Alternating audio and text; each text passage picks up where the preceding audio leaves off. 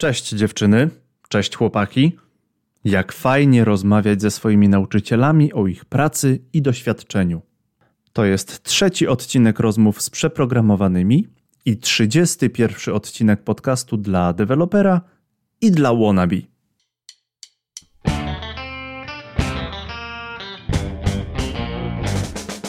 Jego materiały z YouTube'a o nauce frontendu zostały mi polecone przez moich instruktorów na studiach jako te filmy, które dobrze mi wszystko wyjaśnią.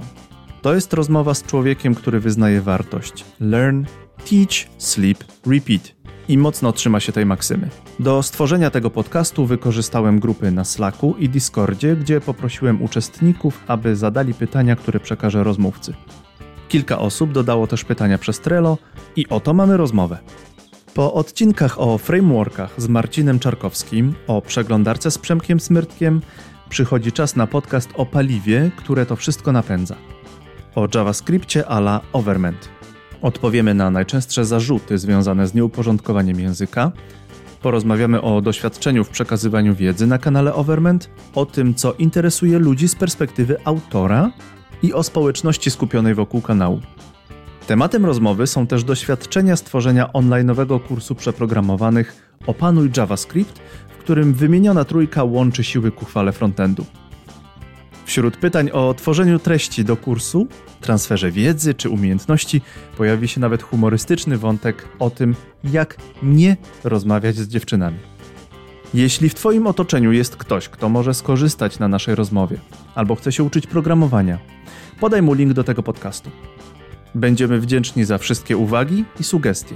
Słuchasz nas na telefonie? Upewnij się, że masz włączoną subskrypcję podcastu. W ten sposób nie przegapisz nowych odcinków. Dziękuję użytkownikowi Mantus221 za fajną recenzję i 5 gwiazdek na iTunes. Słuchacz pisze, że miło mu się robi, gdy słucha podcastu. Treściwie i ciekawie.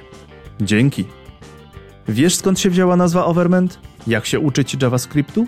Zapraszam do wysłuchania podcastu z Adamem Gospodarczykiem. Trzy z trzech z grupy Przeprogramowani. Overment. Zaczynamy. Dzień dobry, panie Adamie Overment Gospodarczyk. Cześć, cześć. Cześć Jędrzej. E, witam wszystkich. E, fajnie tu być. Jak fajnie, że jesteście.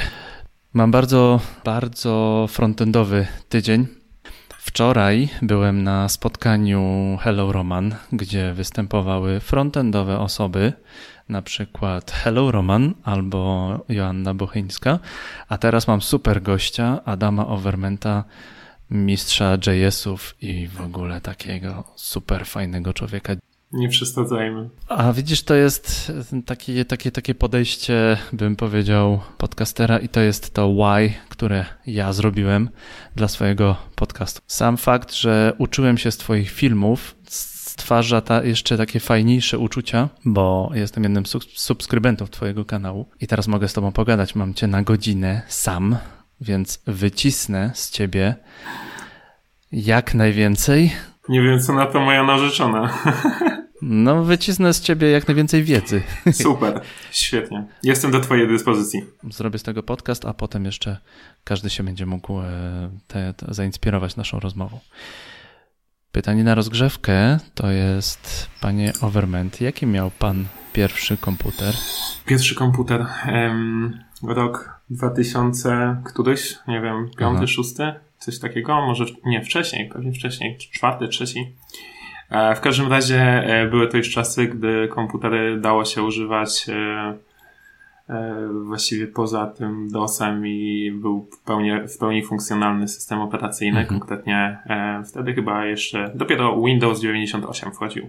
I to mhm. był pierwszy komputer, 20 GB RAMu, 200 chyba 56 MB pamięci operacyjnej i procesor na poziomie 1 GHz. Tak, i wszystko śmigało, to był jeden, no tak, e, właściwie od tego wszystkiego się zaczęło, bo w momencie, gdy miałem swój pierwszy komputer, mogłem e, robić to, e, co do tej pory robiłem tylko gdzieś tam u, e, u kumpli albo w szkole. Były popularne wtedy takie programy, które służyły do hakowania, przejmowania komputerów w wow. sieci lokalnej. A oczywiście to hakowanie nie było czymś niesamowitym, po prostu polegało na tym, że można było odpalić jakąś przeglądarkę z konkretną stroną internetową, wiadomo jaką, um, albo wysunąć tackę w, WP. E, CV, CD. No, WP, WP, e, dokładnie. Nie, e, e, śmieję się, natomiast e, tak naprawdę wtedy to były czasy, gdy mogłem w końcu zobaczyć, jak ten komputer działa, e, jak działa system operacyjny i co można z tym zrobić.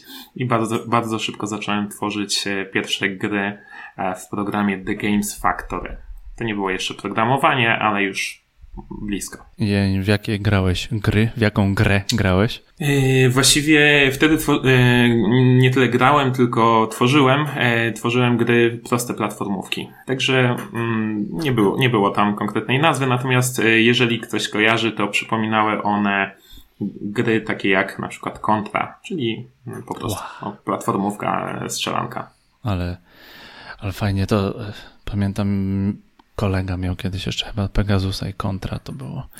No właśnie. Całe podwórko go kochało i Damian był najlepszy i, w, i wcale nie był gruby. Jasne. A skąd się wziął Overment? Samo, samo overment? słowo Overment? Z połączenia słów e, over i improvement, e, czyli właściwie takie e, nieustanne, czy właściwie no może nie w, w dosłownym tłumaczeniu, natomiast chodzi tutaj o usprawnianie w ogóle. Mhm. Usprawnienie siebie, rozwój e, i nie chciałem, żeby to było połączone, e, bezpośrednio połączone na przykład z programowaniem, ponieważ kto wie, czym Overman będzie zajmował się za 5 albo 10 lat. A czym się może zajmować? Co na jest oprócz czymś... tego, oprócz tego, co, co, co programowanie? Programowanie pasja?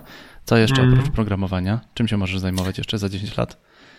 Wiesz co, e, tak naprawdę e, czymkolwiek bym się nie zajmował, na pewno będzie to powiązane z jakimś rozwojem, z nauką i w ogóle to jest taka idea, którą e, staram się szerzyć, czyli fakt, ja sam nigdy nie byłem na studiach, e, mając bodaj 17-16 e, lat podjąłem decyzję o tym, że na studia nie pójdę i nauczę się wszystkiego sam. E, to oczywiście wymagało gdzieś tam jakiegoś tam planu na siebie, E, no i odrobinę dyscypliny do tego, żeby bez konieczności chodzenia od egzaminu do egzaminu, no mhm. dalej się uczyć, no nie? Więc e, tak naprawdę e, tak, rozwój jest czymś, co e, takim motywem przewodnim moim, moich działań. Natomiast czym zajmuję się poza programowaniem? E, hobbystycznie rysuję, ale mocno hobbystycznie. E, I właściwie e, dużo czytam książek, szczególnie w ostatnim roku. Aha w ostatnim roku jaka książka Ciebie zafascynowała tak najbardziej? Pytam dlatego, że póki, póki przejdziemy do rzeczy podcastowych, to bardzo dużą, widzę, że bardzo dużą wartość czerpiesz z książek z ogólnego rozwoju, nawet osobistego. Poleć nam jakąś fajną książkę, która Ciebie po prostu zafascynowała ostatnio.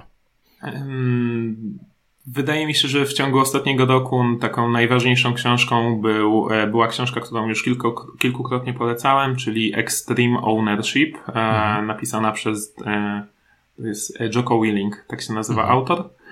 Były komandos Navy SEALs, który w tej chwili zajmuje się szkoleniem liderów no, w biznesie. I wspólnie ze swoim kolegą z drużyny założyli tą firmę właśnie po tym, jak e, skończyli misję w Iraku. No i ta książka jest o tym, jak opowiadają, e, jak wojna nauczyła ich pewnych rzeczy, które teraz przykładają na biznes. No i różnica jest taka, że w momencie, gdy w biznesie popełnimy jakiś błąd, no to co najwyżej stracimy pieniądze, bądź no tak, to jest chyba najgorsze, co może się stać. E, tracimy pieniądze bądź tracimy firmę. W momencie, gdy na wojnie popełnimy błąd, nawet najmniejszy, ktoś traci życie. E, no i ta różnica sprawia, że te lekcje wyniesione z wojny wydają się być e, bardzo praktyczne, szczególnie że no tak, są po prostu bardzo praktyczne i polecam audiobooka, ponieważ czyta go właśnie Joko Willing. Mhm. I e, to jest niesamowite móc posłuchać o tym na przykład jak ktoś e, dowodzi, właściwie Joko Willing dowodzi akcją, która kończy się przyjacielską wymianą ognia i on to opowiada ze swojej własnej perspektywy, przekazując swoje emocje, e, no i całą tą lekcję, którą z tego wyniósł. Więc tak, Extreme Ownership, Joko Willing i Liv Babin. Mamy, mamy to po polsku? Nie wiem. E, tak, mamy po polsku, bo nawet dostałem w prezencie od Marcina. Ach. Przechodzimy do e, głównego tematu. E, formuła tego podcastu to jest e, bardziej QA. Tylko to takie ciekawe QA, które polega na tym, że ja zadałem kilka, kilkanaście pytań na wielu grupach, na wielu Slackach, na wielu Discordach. No i po prostu pytałem, drodzy, drodzy uczestnicy danego Slacka, jakie byście pytanie chcieli zadać Overmentowi, bo mam do niego dostęp, dostęp do, dobry dostęp do, do Overmenta. I mamy tych pytań 5, 6, 7. I to są pytania, które się najczęściej powtarzały. I nie jest to pytanie, jak się uczyć programować, ale wszystko, wszystko się kręci wokół tego. Gotów na pierwsze? No to zaczynamy. Tak, jestem gotowy. Zobaczymy. Pierwsze pytanie to jest raczej twierdzenie. Łatwo zacząć przygodę od JS-a, bo przeglądarkę każdy ma. Można coś pokazać. I tutaj myśl była taka, że no niekoniecznie ten, ten JS taki, wszędzie, wszędzie przejmowała się taka myśl, od, najczęściej od programistów backendu, że no, no niekoniecznie, a jak się robi coś e, konkretnego na backendzie, to, to, to rzadko ktoś już używa JS-a, PHP bądź Python. Tutaj chodziło raczej o takie stwierdzenie, że to taka jest dosyć mało praktyczna rzecz i dosyć mało na serio rzecz, ten JS. Mhm.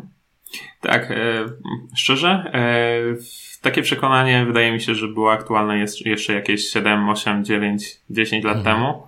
E, wtedy, gdy e, to było jeszcze era przed e, tą rewolucją ES5, w momencie, gdy inaczej. E, Generalnie 10 lat temu JavaScript, e, JavaScript e, był e, właśnie taką technologią, która służyła do prostych rzeczy, mhm. jakieś dodawania prostych interakcji na stronie w stylu, jeżeli klikniemy w guzik, to on się na przykład powiększy. Coś takiego nie zawsze było możliwe E, w samym CSS-ie, teraz to wszystko też się podmieniało, więc e, sam JavaScript wykorzystywany był e, do właśnie rzeczy prostych. I był taki jasny podział na frontend i backend. I mhm. ci backend deweloperzy byli raczej no, takimi z krwi i kości programistami, czyli jak e, mówiło się, że jeżeli ktoś programuje w JavaScriptie e, czy wykorzystuje jQuery, to nie jest do końca programistą, tylko pisaczem skryptów, prawda? Bo też wtedy te aplikacje nie były jakoś szczególnie roz, e, rozbudowane, no bo tak jak mówię, dodawaliśmy proste interakcje na stronie. No i teraz e, wraz z upływem czasu to wszystko się zmieniało, natomiast e, sytuacja, e, czy moment, w którym jesteśmy teraz, e, e, to jest moment, w którym JavaScript jest językiem, który moim zdaniem na równi można postawić albo może ktoś mnie za to e, ukamienuje, ale wydaje mi się, że można, wydaje mi się, że można e, JavaScript postawić na równi z technologiami takimi jak, e, no nie wiem, chociażby PHP, prawda? E, mhm. Dlaczego? E, nie chodzi mi tutaj o doświadczenie, mm, rozbudowanie tego języka, czy fakt, ile on istnieje na rynku, jakie aplikacje w nim są tworzone i tak dalej, ale chodzi o możliwości. Multiplatformowość, która zrewolucjonizowała frontend na przestrzeni ostatnich kilku lat, e, sprawiła, że, czy wymagała od nas tego, żebyśmy no właśnie wykorzystywali bardzo różne technologie do tego, żeby tworzyć aplikacje do te, e, mobilne, do tego, żeby tworzyć aplikacje desktopowe i teraz jeszcze te wszystkie aplikacje na telewizory i tak dalej, i tak dalej. E, no to wszystko w momencie, gdy mieliśmy wiele różnych technologii, było po prostu trudne do ogarnięcia. Teraz mamy JavaScript, mamy Node.js, mamy kilka frameworków, bardzo porządnych frameworków, z którymi, e, z, z, których, z których pomocą e, powstają po prostu duże aplikacje. Czyli inaczej mówiąc, e, moment, w którym, w którym jesteśmy, moim zdaniem, jest momentem, w którym JavaScript jest pełnoprawnym językiem programowania i tak naprawdę cały czas dodaje, dodawane są do niego funkcje, których e, do tej pory e, w nim brakowało, które sprawiały, że w porównaniu do innych technologii zostawał w tyle. Natomiast na koniec dnia, czy JavaScript jest łatwo dostępny, bo jest w przeglądarce? No, z tym się akurat zgadzam. Tak faktycznie jest. Mhm. I w, z perspektywy uczącego się programisty jest to w mojej opinii bardzo istotne, żeby móc natychmiast albo jak najszybciej widzieć efekty tego, tej nauki, prawda? Czyli jeżeli teraz odpalimy sobie jakiś tutorial początku, e, początkują, e, e, tutorial dla początkującego programisty właśnie JavaScript, jesteśmy w stanie osiągnąć jakiś efekt, jakieś animacje, czy nie wiem, wyświetlanie jakiejś tam akcji po e, naciśnięciu przycisku e, relatywnie szybko. I to jest wartość, którą ja pocenia, e, postrzegam jako coś bardzo ważnego. E, bo to po prostu sprzyja nauce. Czyli to nie jest tak, że na przykład jak uczymy się Java, zanim coś tam w ogóle uruchomimy i e, tak, Java, nie JavaScriptu. E, e, w przypadku Java, żeby e, uruchomić pierwszą aplikację, trzeba e, trochę się napracować, e, natomiast w przypadku JavaScriptu faktycznie wystarczy uruchomić przeglądarkę, no i wszystko mamy na wyciągnięcie ręki. Także E, raz jeszcze, łatwo przygo- e, zacząć przygodę od JS-a? Tak, łatwo. E, czy w jakikolwiek sposób on teraz odstaje od technologii backendowych? Moim zdaniem nie. I to wszystko się będzie zmieniać raczej w tym kierunku, że JavaScript będzie przynajmniej przez 2-3 lata bardzo popularny, do momentu, gdy rozwiną się te technologie, które teraz wchodzą, typu Rust czy Teraz e, od kilku dni standardem jest WebAssembly, natomiast tutaj przyszłość jeszcze nie jest tak do końca znana. Tej, Tutaj zwró- zwrócę, zwrócę uwagę na jeden aspekt. Mówiłeś o tym, że dla początkującego programisty bardzo ważne jest mieć te no niemal natychmiastowe efekty swojej pracy i to jest rzecz, która nie wiem jak u ciebie, ale ja, kiedy ja rozmawiam ze swoimi fellow developer wannabes, to się bardzo często pojawia ta informacja, że och, jak fajnie jest, że ja tutaj coś zrobię, potem włączę to wszystko i pyknie, albo tam mrugnie, albo zmieni kolor. I to jest, to chyba też w głowie czasami, czasami jest. To jest no, takie natychmiastowa gratyfikacja, ale to też jest świetna rzecz, bo tak. nie tracisz, nie tracisz w tym momencie tego zapału. Albo później Dokładnie tak. Dokładnie tak i e, wiesz, ten zapał jest e, na tym początkowym etapie właśnie bardzo potrzebny, bo e, jak, jako początkujący programista ja doskonale pamiętam te czasy, chociaż było to dawno temu, a no największą zajawkę miałem wtedy, gdy coś udało się zrobić na tyle dobrze, żeby, na tyle dobrze, żeby cokolwiek działało, tak? Mhm. Nie wiem, jarałem się tym, że e, właśnie wyświetla mi się pop-up na przykład, nie? Że klikam i o kurczę, pop-up wyskakuje. Jeszcze, jeszcze jak potem e, tam w jQuery była opcja do animacji jeżeli on się w ogóle wysuwał, a nie tylko pojawiał, e, no to to już w ogóle był szał. E, więc e, nawet teraz jak widzę, jak pracuję z programistami, którzy dopiero, właściwie jeszcze nie, nie, nie programistami, e, no to dla nich to jest e, też równie ważne. W moim zdaniem to jest e, całkowicie normalne. A przy okazji, e, w momencie, gdy e, nauczymy się JavaScriptu, przejście na technologie backendowe jest po prostu prostsze. Ja sam uczyłem się JavaScriptu jeszcze w czasach, gdy było, gdy korzystaliśmy z niego głównie z wykorzystaniem jQuery, czyli tej biblioteki, mhm. e, która funkcjonowała na przestrzeni właśnie 2010-2012 roku i nawet później trochę. E, I e, potem uczyłem się PHP, e, potem miałem jeszcze przygodę z e, Ruby on Rails.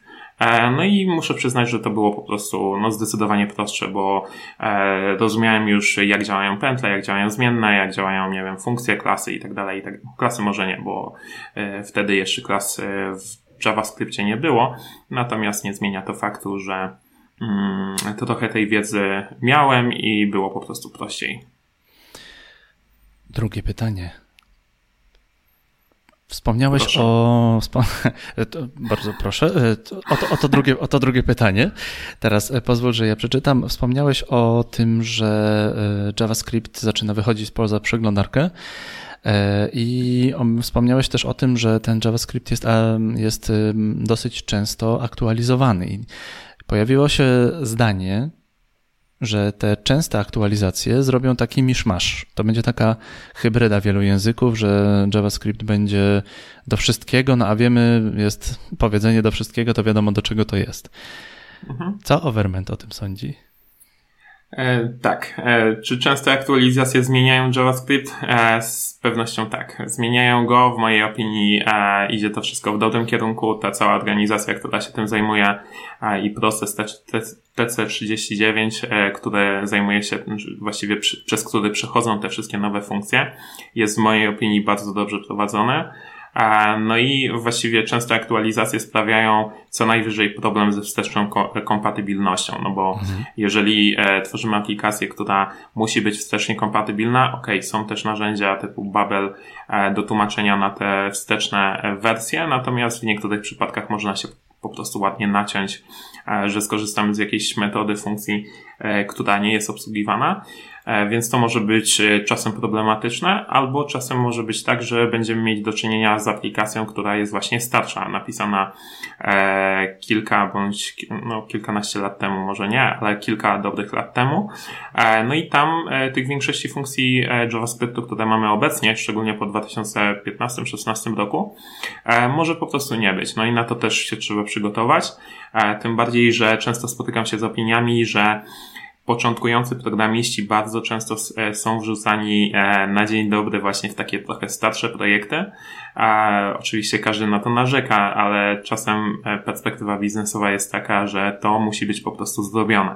Także aktualizacje moim zdaniem są przemyślane i są dobre i sprawiają, że ten język coraz bardziej e, jest użyteczny w wielu różnych przypadkach i, i to programowanie staje się po prostu bardzo przyjemne, czyli już jest, już jest bardzo przyjemne. Natomiast wychodzenie e, JavaScriptu poza przeglądarki, e, no słuchaj, powiem Ci tak, Perspektywa jest następująca. Albo wykorzystujemy e, wiele technologii do tworzenia różnych aplikacji i mamy problem polegający na tym, żeby te wszystkie różne technologie ze sobą połączyć, żeby one współ, współgrały ze sobą i tak dalej. I to jest duże wyzwanie, e, nie tylko z perspektywy programistycznej, ale również biznesowej, no bo musisz zatrudnić odpowiednich programistów, oni muszą się ze sobą porozumieć i tak dalej, i tak dalej. E, a z drugiej strony mamy do dyspozycji technologię typu JavaScript, w którym mamy właściwie jednego specjalistę, w sensie jeden rodzaj specjalistów, tak, czyli programistów JavaScript, e, którzy mogą łatwo przełączać się pomiędzy frontendem, backendem, e, posiadając trochę dodatkowej wiedzy, a nie, nie bez konieczności uczenia się zupełnie nowej technologii. No bo e, na przykład do ogarnięcia Node.js to nie jest tak, że znając JavaScript, e, JavaScript znasz Node.js, bo tam jest kilka różnych e, zagadnień, które są wymagane do tego, aby się w nim poruszać. Natomiast jest ci zdecydowanie prościej, ponieważ składnia jest w zasadzie taka sama, e, ponieważ no tak, głównie chodzi o tą składnię. Więc mhm. Masz jedną technologię do tego, żeby zarządzić na przykład aplikacją, która funkcjonuje na iOSie, funkcjonuje na Androidzie, funkcjonuje w wersji webowej, desktopowej, na e, macOS, na Windows i tak dalej, i tak dalej. E, więc e, z dwojga złego wydaje mi się, że ta opcja jest lepsza. Jednocześnie też pojawia się pewien problem, mianowicie tych wszystkich frameworków jest dużo i na przykład osoba wychodząca frameworków JavaScript, czyli tych narzędzi umożliwiających czy właściwie ułatwiających pracę nad e, konkretną aplikacją, czyli e, framework, można powiedzieć, odpowiada na zasadę, na zasadę nie wymyślaj koła od nowa. Mhm. W każdym mhm. razie, frameworków powstało bardzo dużo. Tych frameworków było jeszcze kiedyś, jak ja również uczyłem się E, JavaScriptu w tych wczesnych etapach. Były tam frameworki typu Backbone.js, e, jeszcze był chyba Fire, Fire, coś tam, nie pamiętam już tych wszystkich nazw.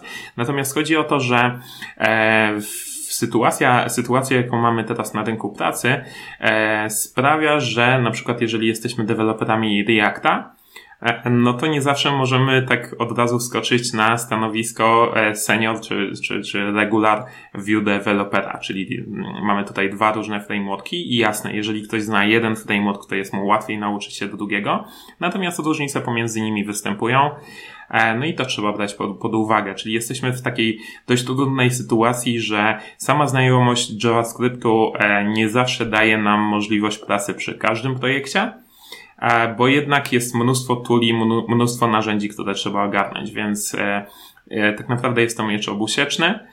Na razie to wszystko trzyma się, trzyma się razem i, i, i funkcjonuje tak jak należy w mojej opinii. Natomiast to, co przyniesie przyszłość, no to trudno powiedzieć. Tak naprawdę kilka lat temu uczyłem się Flasha i myślałem, że o tym będzie cała moja kariera zawodowa, a w tej chwili Flasha już z nami nie ma.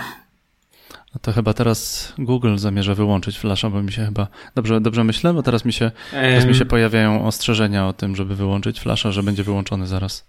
Nie, tak, bardzo możliwe. W sensie ja ostatnio się z tym nie spotkałem, ale pierwszym, pierwszym, e, pierwszą osobą, która zbanowała Flasha był Steve Jobs.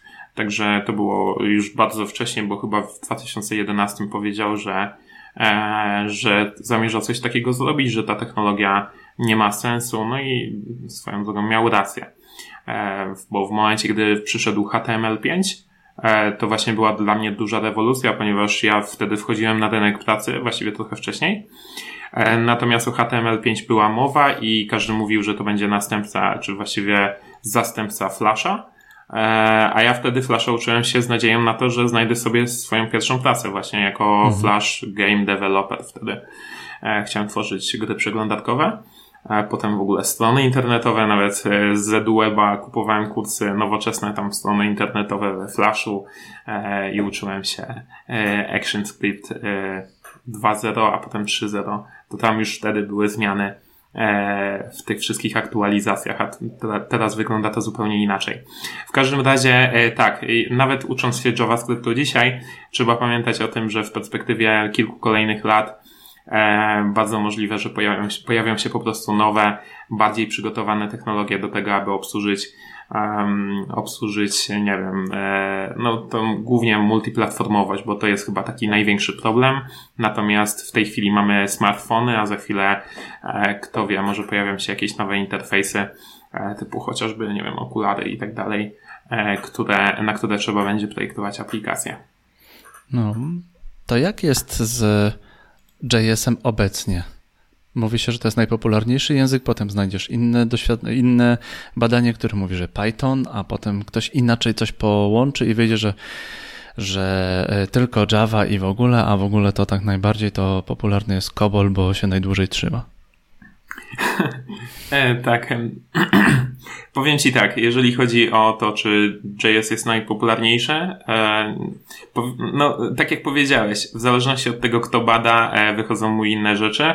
Patrząc na Stack Overflow i na GitHuba, e, czyli de, de facto chodzi o aktywność programistów w ramach tego konkretnego tematu, no to JS zdecydowanie przoduje może nie zdecydowanie, ale przoduje nad tymi e, pozostałymi, pozostałymi technologiami. Więc w mojej opinii tak, to jest najpopularniejsza technologia. E, I nawet mhm. ma to uzasadnienie czysto logiczne, czyli technologia, która jest wykorzystywana w wielu różnych, e, na wielu różnych platformach, jest po prostu no, bardziej popularna niż technologia typu Python, która, e, która nie ma aż tak dużej elastyczności. Z kolei jest wykorzystywana też w innych branżach, które teraz rosną, na przykład e, sztuczna inteligencja, no nie? Mhm, mhm. Chciałem się spytać jeszcze o jedną rzecz, która mi teraz do głowy przyszła, bo e, Twoje myślenie o JS-ie to jest też jeden z Twoich, e, to jest ten rozdział w, w Waszym w przeprogramowanym kursie, który, mhm. który Ty przygotowałeś. Twoja myśl zbiega się z myślą Wesa Bossa, e, tego ziomka, znam, super, znam. super, super ziomka od syntaksu razem ze Scottem Tolińskim. Zarówno ty, jak i Wes Boss podkre- e, mówicie, opowiadacie w kontekście frameworków, ale podkreślacie, że frameworki frameworkami, a ty się najpierw naucz JS-a i ogólnie tego podstawowego JS-a, tego poza frameworkowego. Skąd, skąd się bierze to przekonanie? Oprócz takiego, mm, oprócz e, takiego logicznego, wiesz, ludzkiego, ludzkiego myślenia, jakie są jeszcze argumenty, żeby nie wskakiwać od razu na, na, na Reacta czy na, na Vue? E, wydaje mi się, że e, po pierwsze tak, chciałem sprostować, nie jestem twórcą kursu przeprogramowanym, w sensie opanuj JavaScript przeprogramowanymi. Jestem współtwórcą, tam jest jeszcze Przemek i Marcin i razem go tworzymy. To tak słowem sprostowania, chcę, żeby mm -hmm. to mhm. było jasne. Natomiast e, tak, ja jestem po, odpowiedzialny Pozdrawiamy to... was chłopaki, e, Przemek, e, Przemek Smyrdek, e, Marcin Czarkowski, bardzo was pozdrawiamy. Zgadza się i e, tak, jeżeli chodzi o samą koncepcję, to to, co powiedziałeś, to, co mówi Westboss, to, co mówimy my,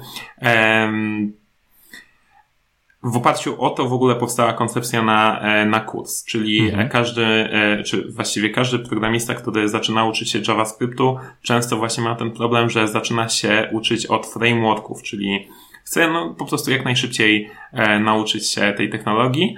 A, I problem polega na tym, że e, to rodzi problem, który, e, którego na własnej skórze doświadczył Marcin. Tak. nagrywał o, ten, o tym nawet swój, swojego vloga. I nawet rozmawialiśmy moment, o tym w podcaście. I nawet, no właśnie. E, I e, chodzi tam głównie o tą kwestię logiczną, czyli e, właściwie nie ma tam żadnych ukrytych powodów, dlaczego warto nauczyć się podstaw JavaScriptu, a dopiero potem frameworków. Po prostu chodzi o to, że E, frameworki są zbudowane w oparciu o JavaScript i w momencie, gdy poznamy jego podstawy, jesteśmy w stanie wyjść dalej. W mhm. momencie, gdy zaczynamy od e, tej drugiej strony, czyli od strony frameworków, to nie powiem, że nauka w ten sposób nie jest możliwa, ale jest zdecydowanie trudniejsza, ponieważ ten efekt przytłoczenia e, masą informacji jest po prostu większy, no nie? Czyli um, rozwiązujesz jakiś problem i musisz się skupić nie tylko na rozwiązaniu problemu, ale, ale, ale również dowiedzeniu, w jaki sposób w ogóle ta składnia z przykładów funkcjonuje, e, albo na przykład e, nie jesteś świadomy jakiejś konkretnej opcji, na przykład wykorzystania metody reduce e, e, do pracy e, z, na przykład z tablicami, no nie? I kwestia jest taka, że e, w momencie, gdy ten JavaScript e, opanujesz na e, etapie podstaw, jest po prostu później łatwiej. No i tutaj powstał pewien problem, ponieważ e, za każdym razem, gdy ktoś zadaje mi pytanie, ok, no to skąd nauczyć się JavaScriptu, nie? No to jest kilka książek, które uczą JavaScriptu, nie wiem, You Don't Know JS, Eloquent JavaScript i tak dalej. Natomiast problem jednak polega na tym, że Większość kursów e, albo jest, e, może, może nie powiem, że większość kursów, natomiast e, są kursy, które uczą tego starego JavaScriptu, nieaktualnego i moment przejścia do frameworków z takiego kursu e, dalej jest e, stosunkowo trudny. Natomiast e, oprócz poznania samego JavaScriptu, czyli samej składni języka i tak dalej, jest jeszcze właśnie kwestia samej przeglądarki, którą trzeba zrozumieć, czyli jak działa przeglądarka, jak komunikuje się z serwerem i tak dalej, i tak dalej. Więc jest tutaj ten drugi moduł naszego kursu, który w tej chwili, czy właściwie za który odpowiada Przemek. No i w momencie, gdy już znamy JavaScript, E, na tyle dobrze, żeby zacząć naukę e, frameworka, znamy też środowisko przeglądarki, to powstaje pytanie, no dobra, no to teraz jakiego frameworka będę się uczył? E, no i właściwie tutaj, jak pada to pytanie, to w zależności od tego, na jaką grupę na Facebooku, czy na, jak, na jakiego programistę trafimy, to mamy inną odpowiedź. No i tutaj też Marcin pokazuje zalety, wady konkretnych frameworków, czy bardziej cechy konkretnych frameworków, abyśmy byli w stanie samodzielnie ocenić. Jeżeli chodzi o mnie, moim zdaniem najlepiej wybrać frameworki w oparciu o to, E, na przykład w jakiej firmie chcemy pracować, jakie projekty chcemy realizować, czy nawet tak bardzo prosto, czyli jaki framework w danej chwili jest e, najbardziej aktu- e, popularny i w tej chwili, jeżeli dobrze mam dobrą informację, jest to React i szczerze mówiąc wcale, wcale mnie to nie dziwi. I jako tak naprawdę początkujący programista, gdybym teraz był na etapie nauki frameworków, wybierałbym pomiędzy Reactem albo Vue. E, jeżeli chodzi o Angular, e, jest to bardzo dobry framework, natomiast e, mi osobiście, i to nie jest jakaś tam globalna opinia, chociaż może, mi osobiście nie pasuje to, że jest turbo często aktualizowany i te aktualizacje przebiegają w pewnym chaosie. E, mhm. Pamiętam doskonale, teraz mam chyba ósmą albo dziewiątą wersję tego frameworka, a ja pamiętam doskonale jak, jaką wielką rewolucją było to, jak przechodziliśmy z wersji pierwszej na drugą. I to nie było 10 lat temu, tylko kilka e, małych lat temu, więc to mi się nie do końca podoba, natomiast React wydaje się nie mieć aż takiego problemu właśnie z tymi kolejnymi aktualizacjami, chociaż wiadomo też e, się zmienia, prawda? Także mm, e, raz jeszcze, czy nauka tego e, JavaScriptu w podstawach jest wymagana do nauki frameworków? Nie, nie jest totalnie wymagana, ale zdecydowanie dużo ułatwia. Jeżeli jesteśmy programistami, którzy dopiero zaczynają naukę w ogóle programowania, no to ucząc się JavaScriptu może wydłużamy ten czas dojścia do celu w stylu nauczę się Reacta, natomiast zmniejszamy szanse na to, że zniechęcimy się po drodze, a to jest właściwie kluczowe. Adam Overment Gospodarczyk rekomenduje nazwę, na, rekomenduje uczenie się JavaScriptu od samego początku, od podstaw. Polecam. A odnośnie y, nauki, to y, bardzo często wychodzi taka informacja o tym, że idę do, do szkoły programowania.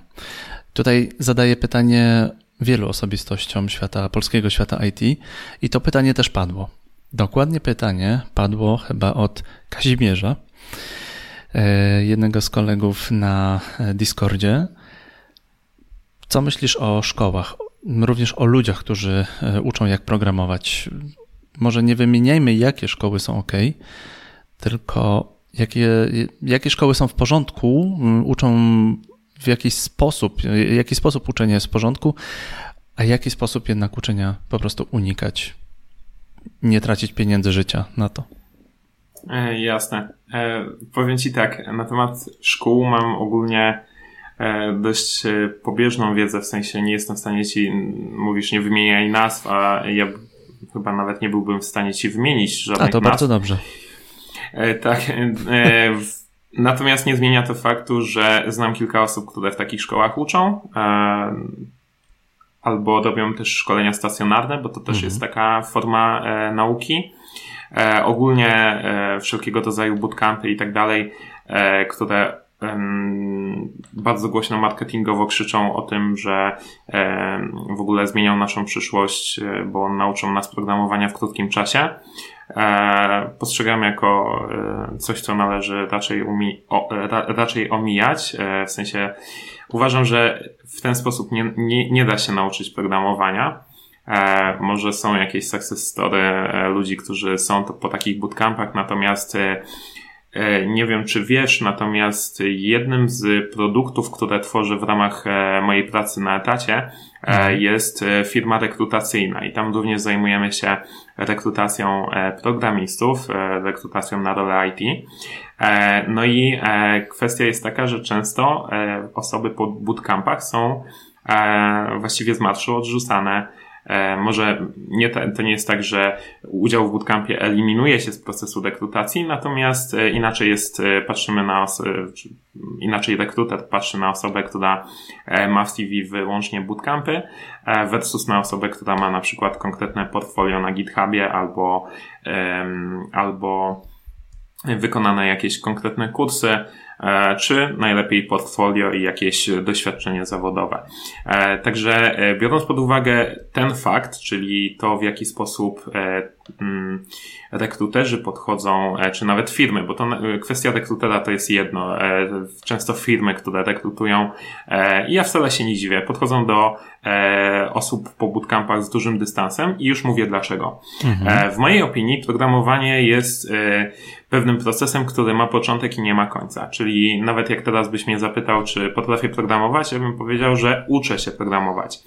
E, uczę się programowania i e, tak będzie już zawsze, czyli tak długo jak będę programistą, tak długo będę uczył się pro, programowania, bo jeżeli teraz byś dał mi na przykład e, do zakodowania aplikację, e, nie wiem, zajmującą się streamowaniem audio, e, to ja nie potrafię tego zrobić, no nie? Będę musiał się nauczyć w jaki sposób obsługiwać ten konkretny streaming, nie wiem, nauczyć się tego, jak obsługiwane jest audio, jakie technologie wykorzystać, jakie serwery i tak dalej, i tak dalej, więc e, jakby nie patrzeć, e, będę uczył się tego, jak rozwiązać ten konkretny problem, jak to wszystko przygotować.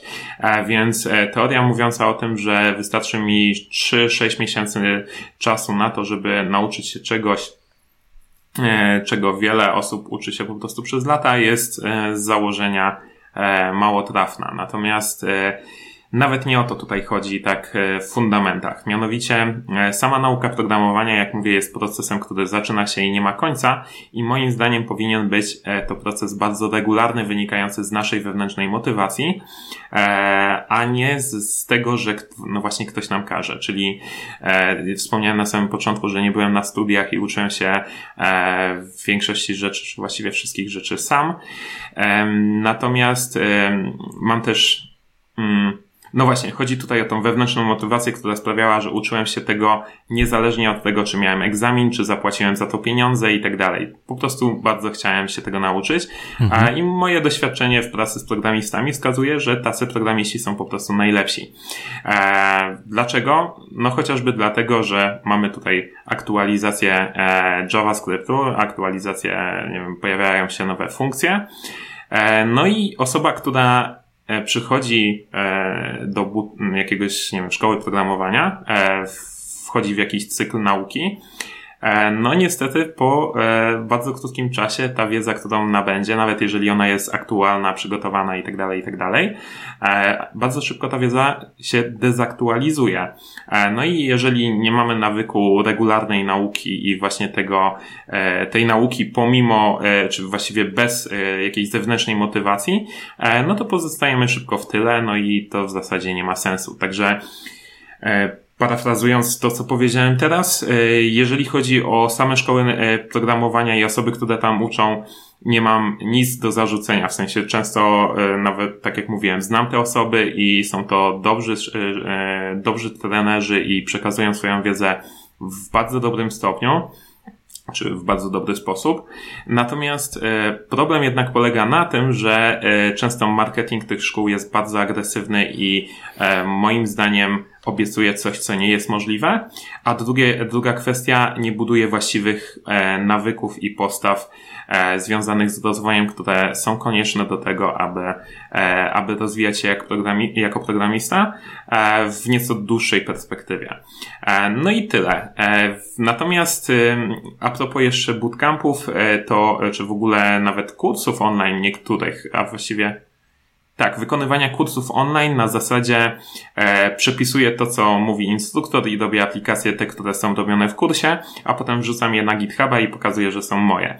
Efekt jest tego taki, że potem jak na przykład rekruter bądź osoba, która nas e, rekrutuje, jakiś menadżer, e, przegląda ten profil na GitHubie, e, no to niestety bardzo łatwo, e, nawet posiadając małe doświadczenie, nawet e, miałem okazję szkolić, czy właściwie przekazywać instrukcje rekruterom E, na temat tego, w jaki sposób e, odczytywać taki e, projekt na GitHubie, który wykonany jest po prostu z kursu, do tego, aby zweryfikować, na ile mm, konkretny programista uczy się samodzielnie, a na ile są to po prostu przeklepane linijki, linijki kodu, które raczej wskazują, czy mogą wskazywać na to, że no to nie był projekt wykonany samodzielnie, więc tak naprawdę o, nic, o, o niczym to nie świadczy, prawda? Nie zdradzisz tych, e, nie zdradzisz tych wskazówek, jakie dałeś rekruterom? Mm, e, właściwie wiesz co, było ich kilka. Mm. Jeżeli, chodzi, jeżeli mamy rekrutera, który coś tam kojarzy z programowania, to w dość prosty sposób można poznać różnicę pomiędzy kodem, który jest na przykład fragment kodu, który jest napisany przez programistę prowadzącego kurs, a potem ktoś dopisuje jakiś fragment, więc e, na przykład mamy zaburzone wcięcia, e, mamy, e, nie wiem, jakieś zamienione E, nazwy zmiennych, e, które na pierwszy rzut oka wydają się po prostu być, e, odstawać od tej całej reszty projektu. To jest takie, to są takie pierwsze sygnały mówiące o tym, że coś nie gra, a w momencie, mhm. gdy rekruter nie jest techniczny, no to są pewne kategorie projektów, które są często poruszane w kursach, czyli na przykład tworzymy drugiego YouTube'a, tworzymy drugiego, nie wiem, Twittera albo najbardziej klasyczny przykład, tworzymy To-Do App, czyli aplikację do zarządzania zadaniami. No i tego typu projekty no jasno sygnalizują, że to może być coś, w sensie projekt pochodzący z kursu online, no a co za tym idzie, nie jest to raczej samodzielny projekt. Natomiast w momencie, gdy mamy aplikację, aha, i jeszcze jest jeszcze jedna, jeden rodzaj aplikacji Weather App, czyli aplikacje, mhm. które podłączają się do, jakiego, do jakiegoś API, pobierają informacje pogodowe, no i wyświetlają je na stronie. E, także to są takie podstawowe informacje. Tam jeszcze było te, te, tego kilka, natomiast to są takie główne rzeczy, które mogą sygnalizować o tym, że, e, że ktoś e, nie do końca dobrze podchodzi do tego procesu nauki, albo przynajmniej do oglądania kursów, bo niekoniecznie to musi o wszystkim świadczyć. I żeby to było jasne, to nie jest kwestia taka, że jeżeli tak się dzieje, to dany programista jest eliminowany z procesu, tylko to jest jakiś sygnał mówiący o tym, że na przykład coś trzeba sprawdzić na rozmowie rekrutacyjnej, no nie? Więc e, e, pewne szczegóły mają znaczenie. Dla mnie osobiście na przykład e, ogromne znaczenie ma to, jak e, tam na GitHubie, jak logujesz się do profilu, masz taką informację o aktywności użytkownika. Tak, e, no tak. i ta aktywność użytkownika też może wskazywać na to, jak regularnie podchodzi do nauki, czy w ogóle do aktywności. A jeżeli mamy jakieś zrywy, no to widzimy, że aha, no to tutaj zrobił kurs, potem trzy miesiące nic nie robił, potem znowu ten tam zrobił dwie rzeczy, dwa komity i e, potem znowu była przerwa. E, taki programista jest inaczej już na samym wstępie oceniany e, nawet przeze mnie niż programista, który e, regularnie tam ma jakąś aktywność lub nie ma tej aktywności wcale, wtedy tej informacji po prostu nie ma. No nie każdy działa na GitHubie. W moim przypadku ja sam e, wrzucam tam chyba tylko filmy, e, czy właściwie przykłady do moich kursów. Dobre hinty, widzisz? Takiej, o tej rzeczy w ogóle nie myślałem i e, dobrze, dobrze jest wiedzieć, jak trzeba, jak już się, jak już robisz rzeczy z, z kursu, to jak trzeba je wymuskać, jak trzeba najlepiej to nauczyć się i jeszcze mało tego zrozumieć, to co e, się, tak, to, co się robi. Dodam, dodam tutaj, wtrącę ci się, bo dawaj, dawaj. tak naprawdę niewiele, niewiele trzeba. Czyli jeżeli mamy aplikację w kursie e, typu To Do App, to nie robimy aplikacji typu To Do App, tylko na przykład E, nie wiem, e, przeczytaną listę książek i mhm. E, tam to się różni, bo na przykład dodajemy sobie kategorie, czyli nie wiem, książki kryminały, rozwojowe, biznesowe i tak dalej, i tak dalej i rozszerzamy naszą aplikację o kilka dodatkowych funkcji i w ten sposób ta aplikacja nie jest już taką klasyczną to-do appką, którą można spotkać u 10 innych deweloperów. Mhm. A, no właśnie, bo nawet jeżeli tam rekruter nie jest w stanie czytać kodu i jest e, gdzieś tam ma, małą, małą, małą techniczną wiedzę na temat e, projektów, no to, to, to jest trochę taki efekt jak w momencie, gdy e, oddawaliśmy na języku polskim w, w gimnazjum, czy podstawówce, czy technikum pracę, która była przepisana od jednego kolegi, no to prędzej czy później nauczyciel E, widział, że no coś tutaj nie gra. Więc tutaj jest całkiem podobny efekt, no nie? E, no i wiadomo, jak oceniał nauczyciel tego typu pracę, no często zdarzało się, że kasował wszystkich albo w ogóle, w sensie kasował, e, tak, wszyscy dostawali e, powtórkę, no nie? E, więc, e, więc to na pewno trzeba brać pod uwagę. Moim zdaniem im bardziej kreatywne projekty, może nie przesadnie kreatywne na zasadzie rozbudowane, e, ale od, e, odchodzące od jakiegoś standardowego szablonu, e, to jest na pewno coś, co w procesie nauki można uwzględnić. Tym bardziej, że oprócz tego, w jaki sposób to wpłynie na właśnie ten proces rekrutacji, mamy tutaj jeszcze kwestię dotyczącą tego, że nauczymy się czegoś nowego, czyli przykładowo to, co powiedziałem, do listy nie zadań, tylko książek dodajemy kategorie, no to pytanie, jak dodać te kategorie? W kursie nie było to uwzględnione, więc musimy poszperać e, na własną rękę i rozwiązać ten konkretny problem, czyli jak sprawić, żeby zadania były przypisane do kategorii, w jaki sposób sprawić, żeby po kliknięciu w daną kategorię wyświetlały się tylko te książki z danej kategorii. E, no i to są zadania całkiem ciekawe do tego, aby rozwiązać, e, aby je rozwiązać i nauczyć się czegoś nowego. Tutaj przechodzimy płynnie do kolejnego pytania. Zostało nam jeszcze dwa pytania. Na co według Overmenta zwrócić uwagę na początku drogi, na początku nauczania się, uczenia się, żeby świadomie posługiwać się językiem programowania? Świadomie mam na myśli robić te rzeczy no, nieodtwórczo. To jest tak, jak uczysz się języka i nie wiem, ja, ja znam język rosyjski i jakbym nieświadomie się mm, uczył, to, to bym jakieś tam frazesy miał, ale znał, ale niekoniecznie mógłbym je e, użyć w odpowiednim momencie. Mm, mhm. Na co należy zwrócić uwagę, żeby właśnie wiedzieć, co robisz? Jak to, jak to wypracować w sobie? To jest swoją drogą ciekawe pytanie, e, bo e, jak sobie tak pomyślę, to zastanawiam się, czy na początkowym etapie w ogóle, e, na początkowym etapie nauki e, programowania jest w ogóle możliwe świadome wykorzystanie technologii, mhm. E, no bo to jest moment, w którym tej technologii nie znamy. Ja, można to porównać do, jak ktoś z Was grał w grę RPG, mhm. taką na komputerze, gdzie mamy mapkę, która się odkry odkrywa w momencie, gdy przechodzimy na te nowe miejsca.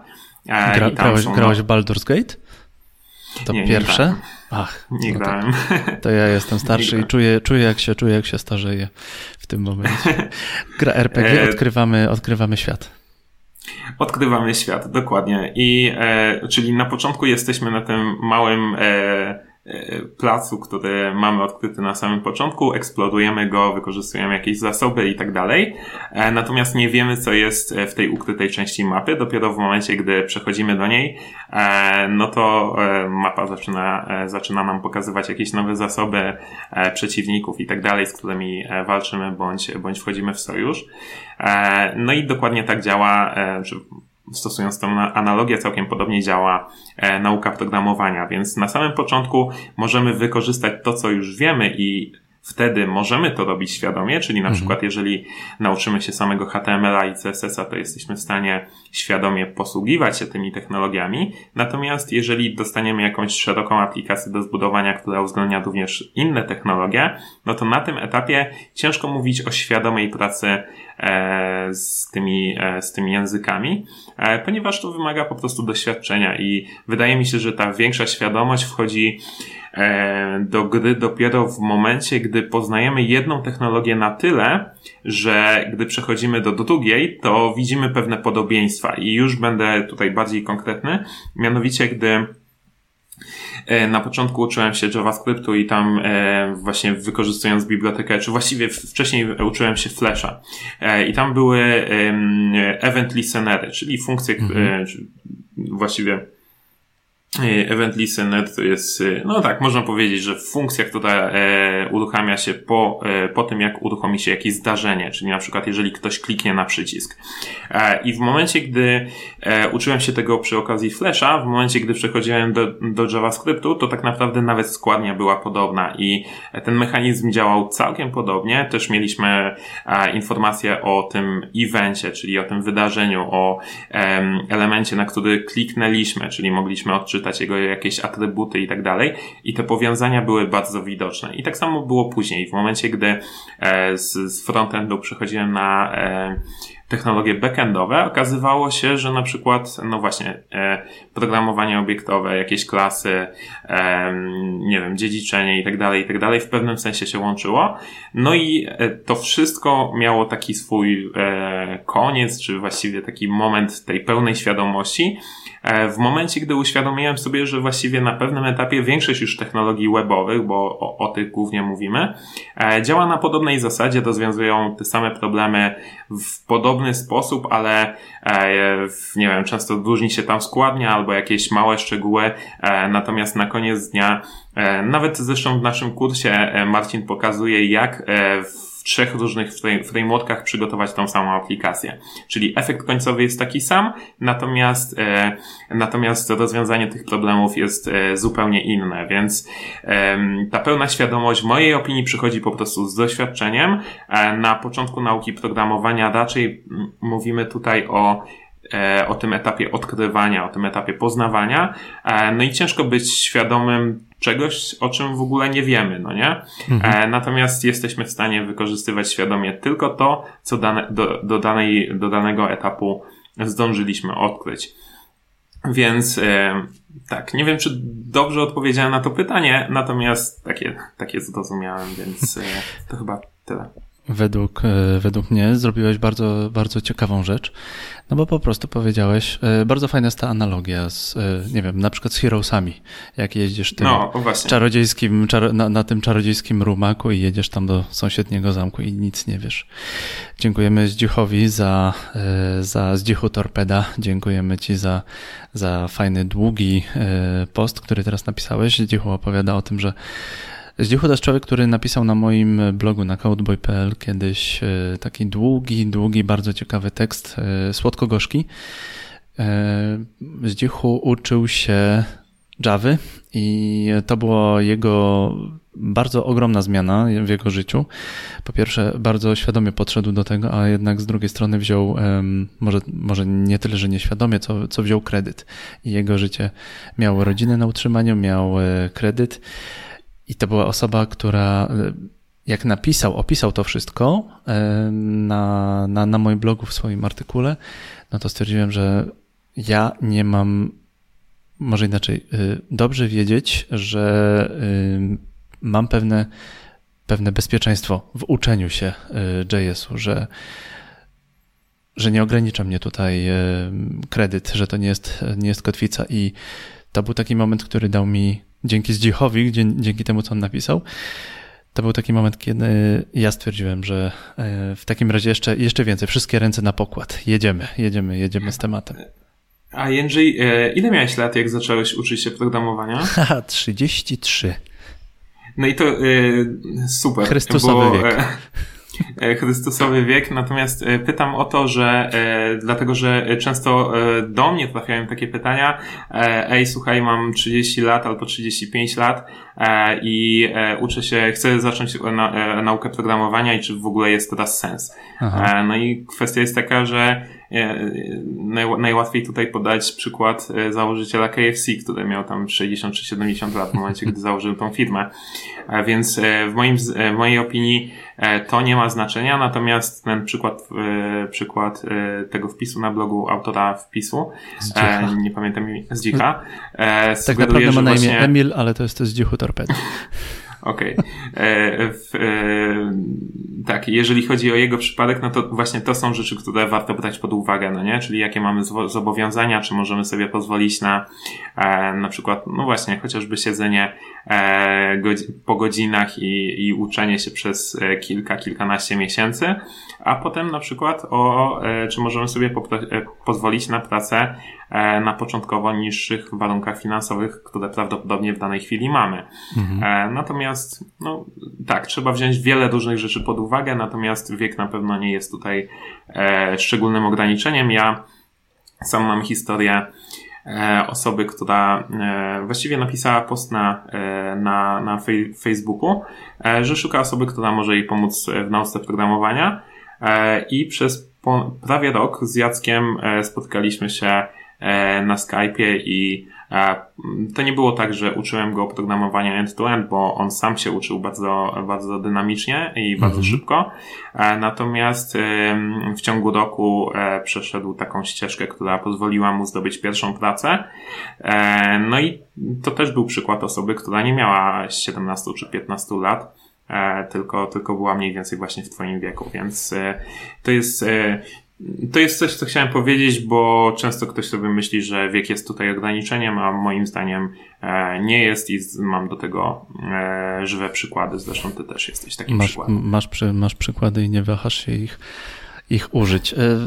Jeśli ja mogę bardzo przez bardzo osobi osobiście się wypowiedzieć, to oczywiście takie rzeczy mnie takie, takie myśli mnie, e, na, do mnie, mi do głowy trafiają, ale ja już się nauczyłem robić mm -mm, mm do roboty. I po prostu robię, robię taki, kręcę głową, mówię sobie i do roboty. To jest trochę jak z bieganiem. Ja zacząłem od jednego kółka w parku, a w zeszłym roku zdobyłem koronę półmaratonów Polski, bo krok po kroczku. Jest to, jest to trudne i bieganie i programowanie, ale i do przodu. Trochę jak się mówi, wiesz, tam aleluja i do przodu, niektórzy mówią, albo Coco Jumbo i do przodu, nie wiem. To zależy, zależy kto co lubi. Na koniec pytanie o Overmenta, o samego Overmenta, o doświadczenie Overment, to był overment.com, nie? mhm. Overment.com o doświadczenie, o to, jak się dzieli wiedzą, w jaki sposób przekazujesz wiedzy ze strony autora, ze strony autora e, Overment, kanału Overment, strony Overment, kanału na, na fejsie, jak tobie się przekazuje wiedzę, w jaki sposób to się, to się robi.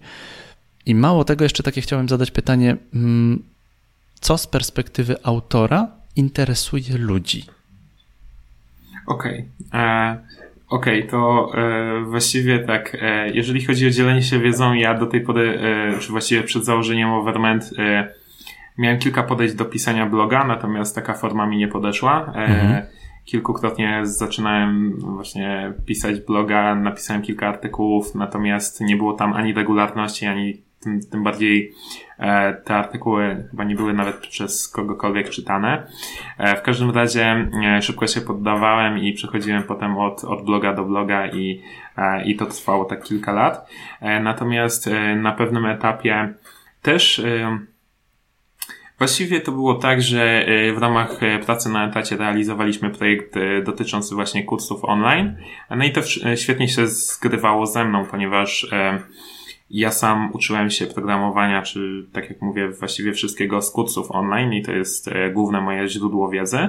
E, I na pewnym etapie pomyślałem, że e, chciałbym dowiedzieć się, w jaki sposób te kursy powstają, no nie? Bo miałem mhm. pewne sugestie, czy właściwie widziałem kursy na przykład Jeffrey'ego Way'a z Laracast, które były świetne, i widziałem kursy autorów E, autorów, którzy są mniej znani, czy nie wiem, na YouTubie powiedzmy ktoś e, kręcił filmy e, i widziałem bardzo dużą różnicę pomiędzy jednym i drugim podejściem. U Jeffrey'ego były to bardzo zwięzłe, bardzo takie płynne tutoriale, które po prostu oglądała się z przyjemnością, a w niektórych przypadkach uruchamiałem e, film na YouTubie i okazywało się, że e, ledwo co było widać, ledwo co, co było słychać i jeszcze to, co było na tym ekranie tłumaczone, było totalnie niezrozumiałe. Więc zebrałem takie kilka, kilka, czy właściwie całe to doświadczenie, które miałem z kursami online i postanowiłem nagrać swój kurs. Natomiast bardzo szybko pojawiła się wątpliwość, czy jestem wystarczająco, e, czy ten materiał jest wystarczająco dobry i chciałem szybko to sprawdzić i e, obudziłem się kiedyś w nocy i pomyślałem, hej, wystarczy wrzucić te odcinki, które nagrałem na YouTube'a e, i się dowiedzieć, no nie? I Świat w ten sposób powstała... Dokładnie. I w ten, w ten sposób powstał Overland. Wtedy wymyśliłem nazwę, zrobiłem pierwszy, pierwszy logotyp. To wszystko trwało, nie wiem, tam trzy godziny właśnie w środku nocy. E, I e, okazało się, że pierwszy film obejrzało tam, nie wiem, 30-50 osób. E, pojawiło się kilka komentarzy w stylu, ok, to jest fajne. Więc pomyślałem, dobra, no to to jest tylko jeden film, więc zróbmy kolejny. I tak 120 filmów później postanowiłem, że warto nagrać kurs. Tak, więc taka A jest. Potem... A tak. potem muszę Ci powiedzieć, że na mojej podyplomówce z frontendu, tutaj w Poznaniu kończyłem, e, jeden z moich nauczycieli mówi: Oglądajcie Overmenta, bo on Wam wytłumaczy i on umie tłumaczyć. Okay. I to jest, to, jest, to jest super rzecz, tak naprawdę, że e, po pierwsze możemy, może, że, że mogłem się uczyć rzeczy od ciebie, a z drugiej strony, że możemy teraz sobie pogadać i. E, Jasne ja mogę pochwalić i powiedzieć, że Overment, ty, ty to umiesz, ty to umiesz i ja ci, i ja ci, ja ci dziękuję i mogę nawet to powiedzieć zupełnie oficjalnie, że Overment mój nauczyciel. Dziękuję Jędrzej. E, jest to niesamowicie miłe. E, kurczę, no tak, jest, jest to niesamowicie miłe i wiesz co, tak, odnalazłem e, w, te, w tym przekazywaniu wiedzy właśnie za pośrednictwem tutoriali coś, co mnie bardzo jada i coś, co mógłbym robić e, mhm. e, właściwie no tak długo, jak tylko będę się rozwijał, czyli właściwie e, do końca świata i jeden żył dłużej? Tak. E, no i kwestia jest taka, że mm, tak, do końca świata jeden dzień dłużej. E, tak będzie. No i teraz E, w związku z tym, że e, zaczęło mi się to podobać, e, feedback był pozytywny i właśnie te, tego typu historie, jak ty mówisz, że ktoś na uczelni zaczyna mówić, że, że w ogóle wykorzystuje moje filmy, bo tego typu sytuacje się zdarzają, dostaję wiadomości z jakimiś zdjęciami, hej, patrz, tutaj siedzę na wykładzie i, i uczymy się gita od siebie. e, więc to jest naprawdę niesamowi niesamowicie miłe, a przy okazji e, wpływa potężnie na mój rozwój, czyli E, bo wiesz, jest pewna iluzja. Komuś może się wydawać, że e, ja to tutaj, nie wiem, śmigam w Gicie, czy jakieś REST API, czy w Expressie, czy teraz w Nest i w ogóle jestem wielkim ekspertem od tych konkretnych tematów. Mhm. E, ja nie mówię, że nie chcę sobie tutaj umniejszać, że tak nie jest. Kwestia jest taka, że nie jest tak, jak widać to na filmach, czyli e, jak mam na przykład indywidualny mentoring, to czasem ludzie się dziwią, hej, ale dlaczego ty otwierasz Google'a, żeby tam, nie wiem, sprawdzić, e, jaką metodą łączy się stringi, e, a właściwie nie e, łączy, tylko dzieli stringi w JavaScriptie na tablicę, no nie?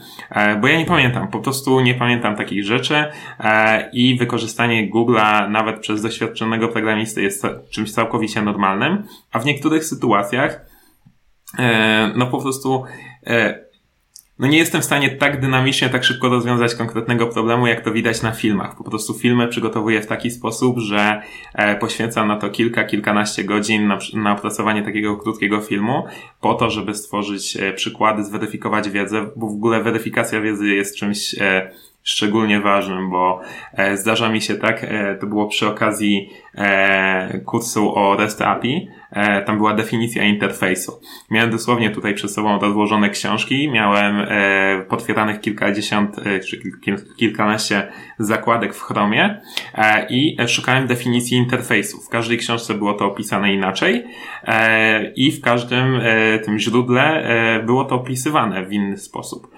E, natomiast ja szukałem jednego konkretnego zdania, które pomoże mi e, wyjaśnić, czym jest interfejs, żeby wyjaśnić, czym jest API. E, no i faktycznie znalazłem, czy właściwie doszedłem do takiego określenia, że interfejs to po prostu rodzaj połączenia umożliwiającego komunikację.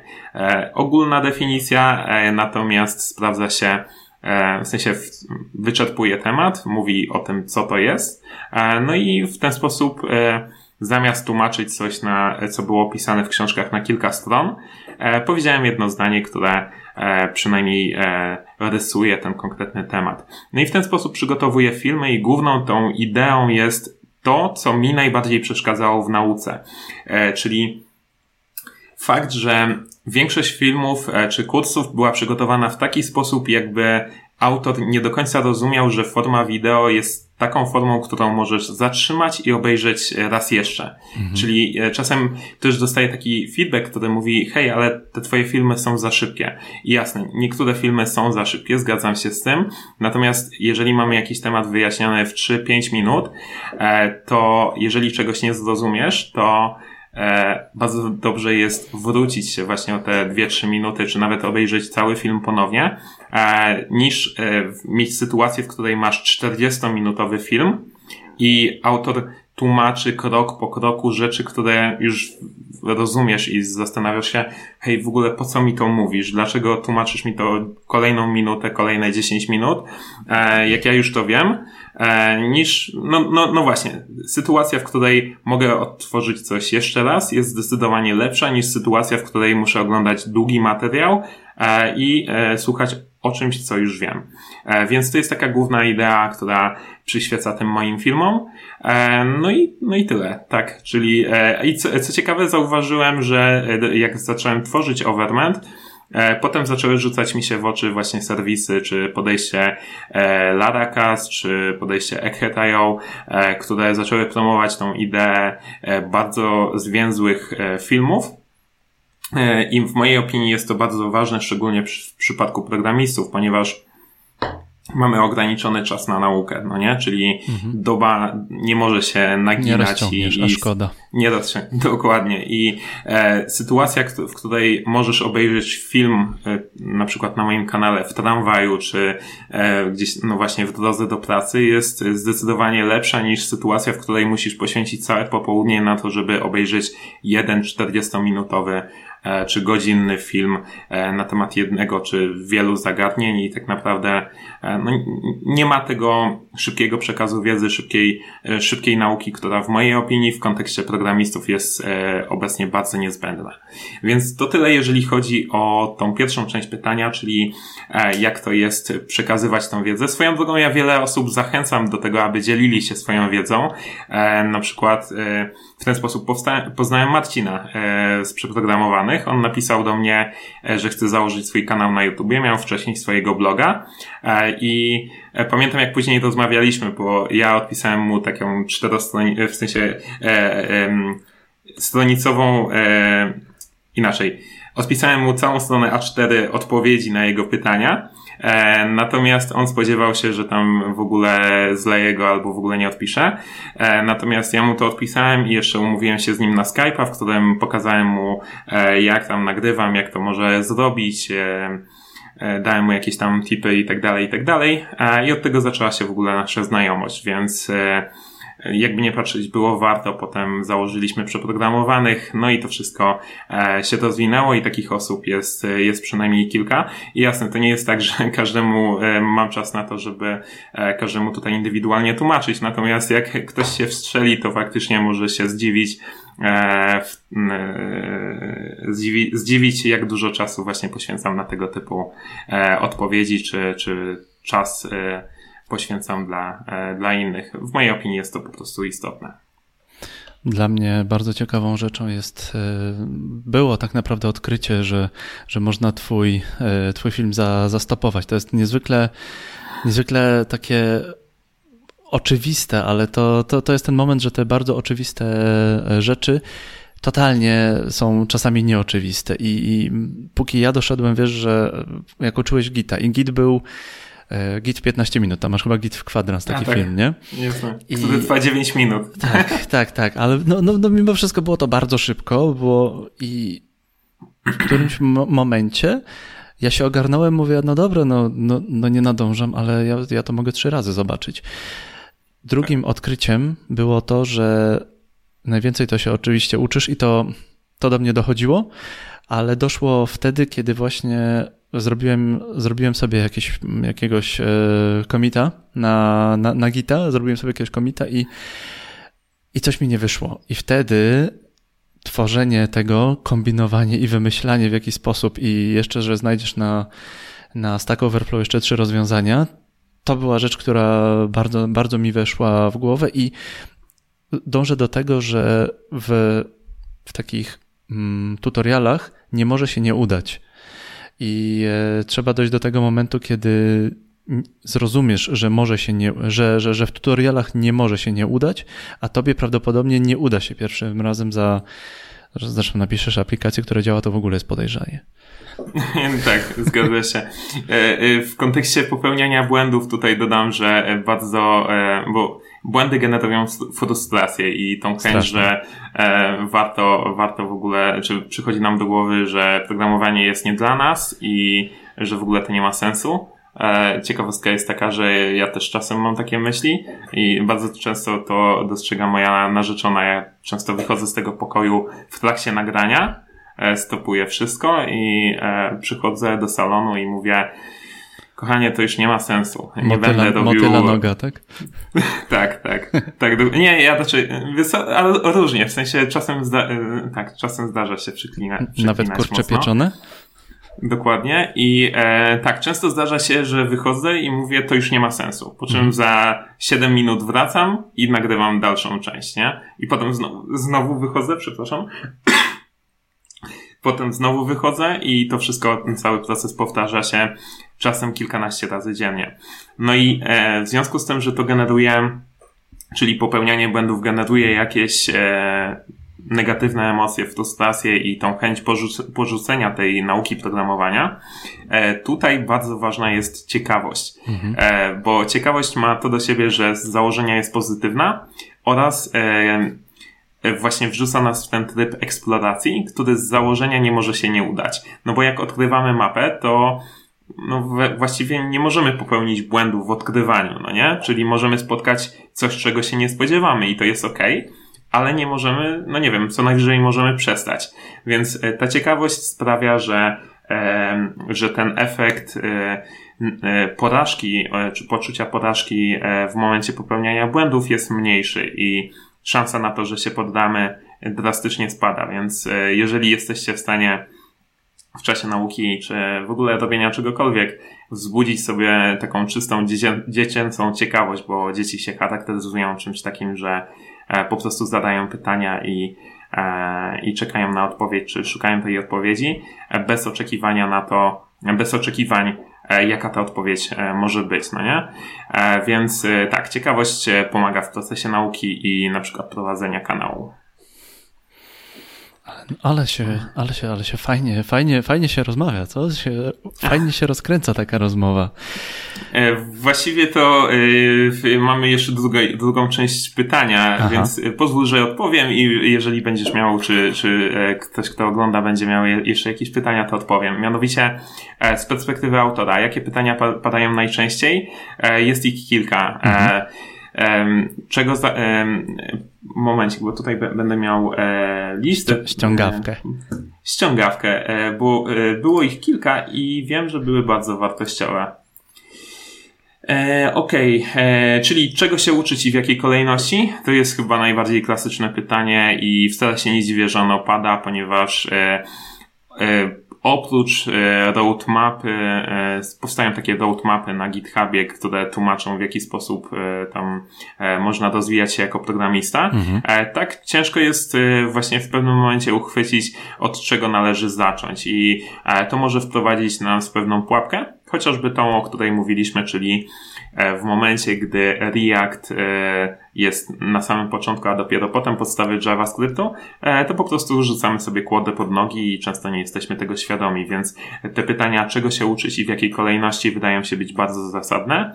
E, natomiast problem polega na tym, że e, często jest trudno odpowiedzieć na takie pytanie. To też nie jest takie oczywiste właśnie, bo każdy jest na innym poziomie e, nauki, każdy jest, e, ma, nie wiem, inne jakieś takie zdolności e, wrodzone, czy jakieś e, predyspozycje do nauki, więc e, na różne rzeczy trzeba zwracać uwagę na różnym etapie. E, natomiast czego się uczyć? Tak naprawdę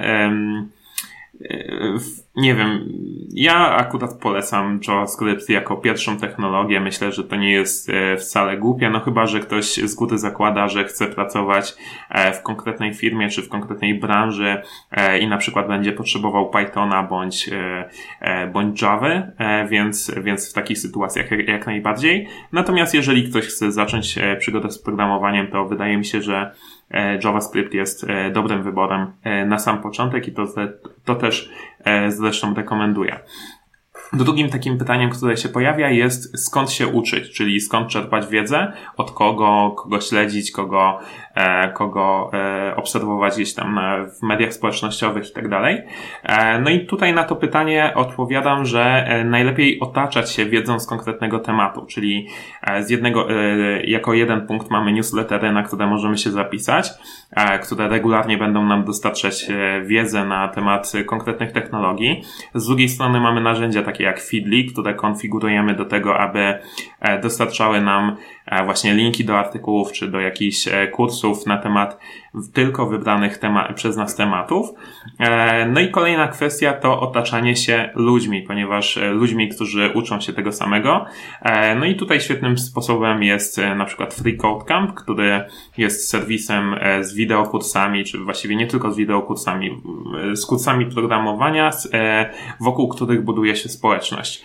E, czyli spotykamy po prostu osoby, które rozwiązują te same problemy, e, te same problemy są my, mają podobny poziom zrozumienia i tak dalej, więc e, ta wspólna nauka jest na pewno ważna.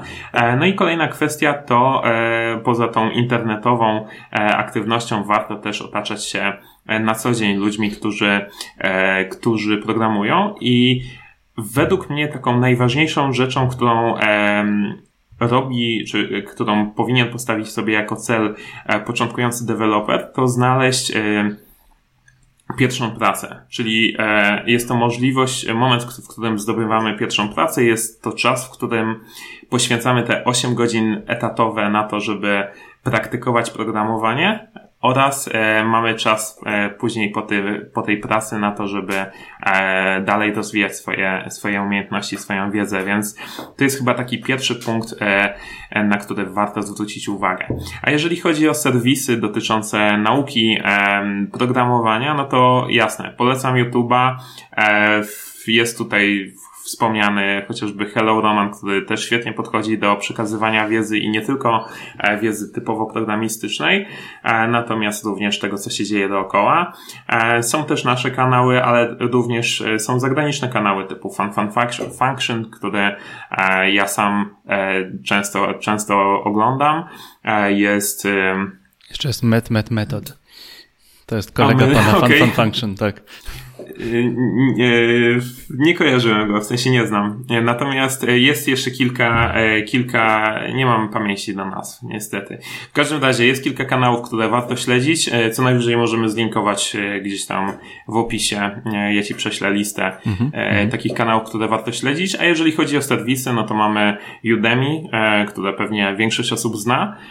Akurat tutaj warto śledzić konkretnych autorów, warto weryfikować, kim są autorzy, którzy e, nagrywają te kursy i ja wiem osobiście, że często e, kursy mm, oceniane są na podstawie ich długości, czyli im dłuższy kurs, tym lepszy. E, moim zdaniem jest to totalna bójda. To jest, tak, nie należy się sugerować, nie wiem w ogóle dlaczego tak się dzieje, natomiast nie należy się sugerować długością kursu w kontekście oceniania jego jakości, bo na przykład gdybym ja miał nagrać teraz 15-godzinny kurs w stylu takich filmów, jak e, można zobaczyć u mnie na YouTubie, to pewnie spędziłbym nad, bym nad, te, nad tym 3 lata i e, w zasadzie zanim ukończyłbym ten kurs, e, pierwsze lekcje już byłyby mocno nieaktualne. Więc e, tak, długość kursu raczej nie jest e, czynnikiem, którym należy, należy e, wybierać. E, no i ostatnie pytanie, które bardzo często pada, to jest e, znowu coś, co już e, tutaj dzisiaj było, czyli kiedy zacząć naukę frameworków. I problem z tym, z tą nauką frameworków jest taki, że na to pytanie nie ma jednoznacznej odpowiedzi, czyli to nie jest tak, że jestem w jednym zdaniu opisać, co musisz umieć, żeby zacząć nauczyć się frameworków.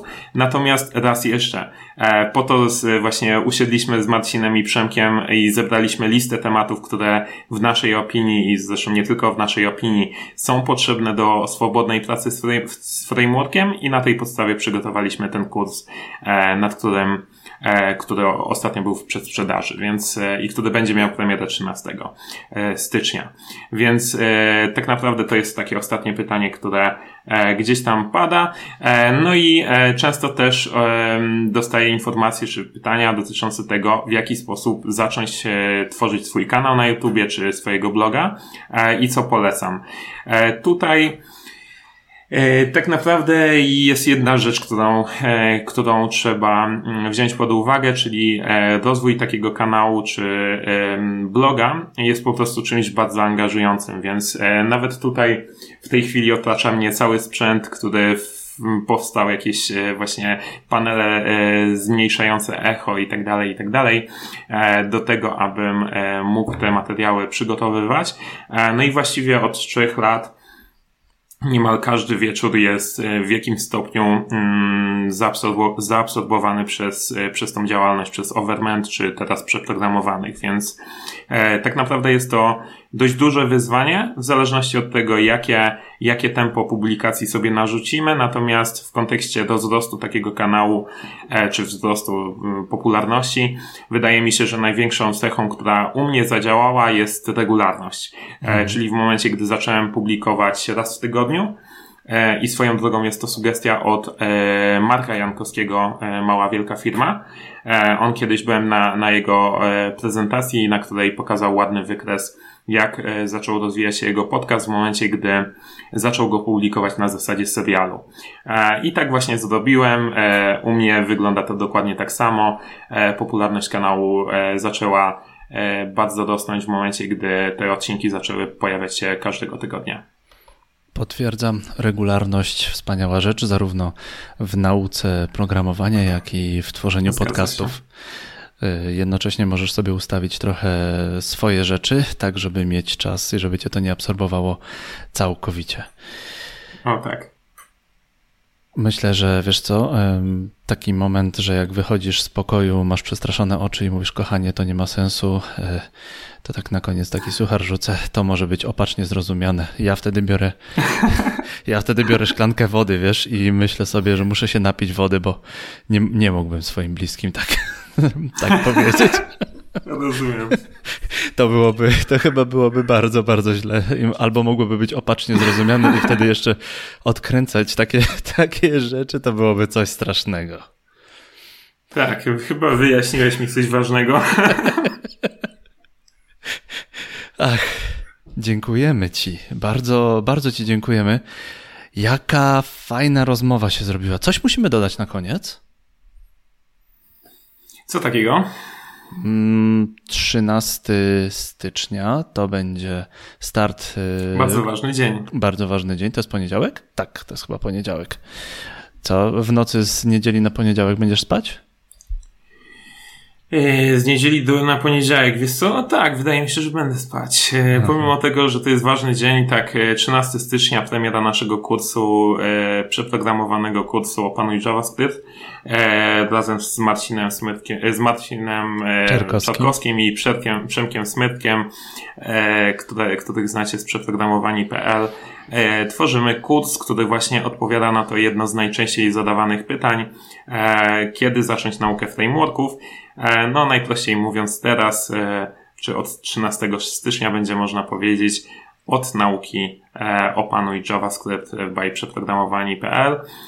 13 stycznia przeprogramowani.pl slash kurs. Tam znajdziecie landing, na którym w tej chwili można zapisać się na listę oczekujących. Ja gorąco zachęcam w imieniu moim i chłopaków. A Tobie, Jędrzej, dziękuję Ci za, za świetną rozmowę. Dziękujemy Wam, że byliście z nami. Dziękujemy Wam, że e, słuchacie nas, że nas oglądacie. Moim gościem był Adam Overment, gospodarczyk, człowiek, który JS ma w sercu, człowiek, który pomaga ludziom uczyć się JS-a, człowiek, który pomaga ludziom się rozwijać. Do usłyszenia, do zobaczenia. Wszystkiego dobrego, trzymajcie się. Cześć. Cześć.